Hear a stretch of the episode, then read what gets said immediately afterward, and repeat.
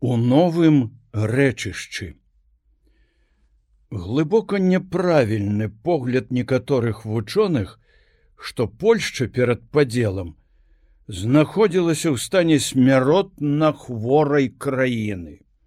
Наадварот, у другой палове 18 стагоддзя яна пачынала на выбірацца з таго палітычна-эканамічна і духоўнага крызісу, які страшным цяжарам ляжаў на ёй у першую палову стагоддзя.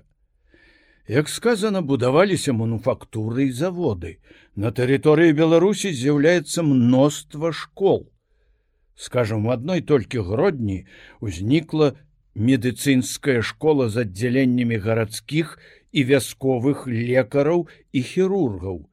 Школа землямераў, школа бухгалтэрыі і рахункаводства, будаўнічая школа, корпус кадэтаў, існаваў батанічны сад з дзвюма тысячамі відаў раслін 1500 экзатычных. Тут жылі матэматыкі астраномы, выдавалася газета і календары, быў тэатр з операй, балетам, 1773 годзе быў знішчаны ордэн езуітаў і адукацыя аддадзена ў руки вучоных. Былі рэарганізаваны акадэміі, узмацнілі выкладанне фізікі і прыродазнаўчых навук. Усё больш галасоў здымаецца на абарону роўнасці, адмены прыгону, знішчэння саслоўяў, удзелу сяляны мяшчан у сеймах, 3 мая 1791 года была уведзена хаця і палавінчатая, але канстытуцыя. Рэч паспалітая пакрысе выбіралася з крызісу, але не паспела. Прыгнёт мінулых стагоддзяў быў занадта цяжкі, каб украінец і беларус, нават атрымаўшы некаторую палёгку, маглі бачыць у гэтай дзяржаве сваю радзіму.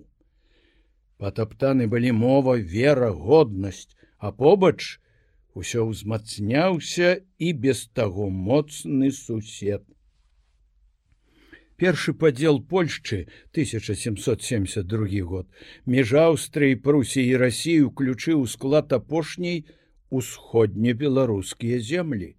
Другі 1783 цэнтр Беларусі, трэці 1795 захад яе. Спроба касцюшкі паўстаннем вярнуць незалежнасць рэчы паспалітай 1794 скончылася пасля некалькіх перамог разгромам. Бо шляхта была глыбока расчаравана яго, дэмакратызмам, а асабліва універсалам, у якім гэты вялікі чалавек абяцаў сялянам асабістую свабоду, максімальнае змяншэнне рабочых дзён і суд над тымі, хто прыгнятае сялян, бо такія прыгнятальнікі ворагі радзімы і паўстання. Шляхце даражэй была, уласная кішэнь. Паўмёртвы адаран, атрыманых у бітве пад маціявіцамі, касцюшка быў пасаджаны петрапаўлаўскую крэпасць, адкуль яго вызваліў толькі павел першы. Тады уж касцюшка нарадзіўся пад косавым, непадалёку ад слоніма. Дома ягонага зараз няма але і дагэтуль высіцца над узгоркавымі палеткамі марачоўшчыны старадаўняя таполя, якая памятае яго.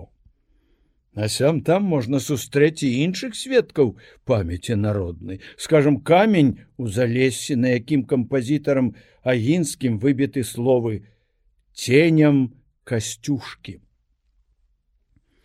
Што даў падзел беларускаму народу трэба сказаць што простаму селяніну ён даў нешмат у рассію той час яшчэ ўзмацнялася прыгоннае права Эканамічны стан быў нездавальняючы, формы грамадскага жыцця былі таксама несправядлівыя, абсалютная манархія.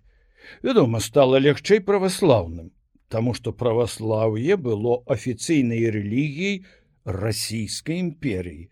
Затое пачалі ціснуць уніятаў.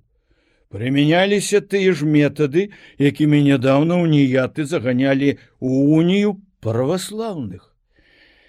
А два наступныя пасля кацярыны цары і ўвогуле лічылі, што Беларусь край польскі рабілі ўступкі каталіцызму. Ну, кепска ведалі Беларусь. І не толькі яны, але і вучоныя. Акадэмік Севергін лічыў праваслаўных беларусаў схізматамі і прысутнічаючы на малебнах здзіўляўся, што і абрады і адзенне папоў дужа падобныя на петербургскія ці ўладзімірскія. Зноў быў дазволены да 1820 года орден езуітаў. Па-ранейшаму паншчына, грашовы чынш, згона і падушная дзяржаўная подаць і яшчэ рэкрутчына. 25 год у салдатах да раздзелу рэчы паспалітай селяніну войску не служыў, а калі ішоў на вайну сваёй ахвотай, аўтаматычна пасля зацвярджэння на сейме пераводзіўся ў вольныя у лапцевую шляхту. Праўда, беларус аб'яднаўся з братнім рускім народам разам з якім яму цяпер належала жыць і змагацца, але абодвум братам было нестерпна жыць адному сваёй старой, а другому сваёй новай турме. Десять тысяч беларускіх сялян былі раздадзены фаварытам царыцы. Румянцаму, напрыклад, Кацярына падарыла больш за 11 тысяч сялян. Пацёмкін, атрымаў землі з 14274 прыгоннымі. Заступнікі за гэты прыгонны прыгнечаны народ канчалі кепска. Калі раней славутыя сташыц і калантай лемантавалі супраць прыгону, выкрывалі памешчыкаў і нічога ім за гэта не было, то вялікі радзішчаў, поплаціўся за сваю кнігу і лімскім астрогам. Назіралася праўда эканамічнае ажыўленне. Павялічылася плошча збожжавых, узнікла шмат новых заводаў, на якіх была і вольна наёмная праца. Узрос гандаль з прыбалтыкай, а праз яе з заходняй Еўропай цяпер многія рускія і украінскія купцы везлі туды свае тавары па беларускай зямлі, з рассіі украінай. Пракладаліся дарогі, па-новаму планироваліся гарады. Да 1863 года насельніцтва іх узрасло амаль у тры разы. Тавараабарот, скажем, ну кірмашу мястэчку зельва даходзіў до двух мільёнаў рублёў. І сюды прыязджалі гандляры нават з германії але гэты гандлёвы пад'ём узбагачаў пана які павялічваў засевак заводчыка і купца.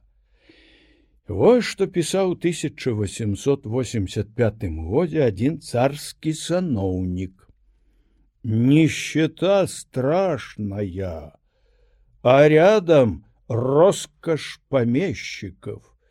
Жизненные силы края совершенно истощились в нравственном и физическом отношении.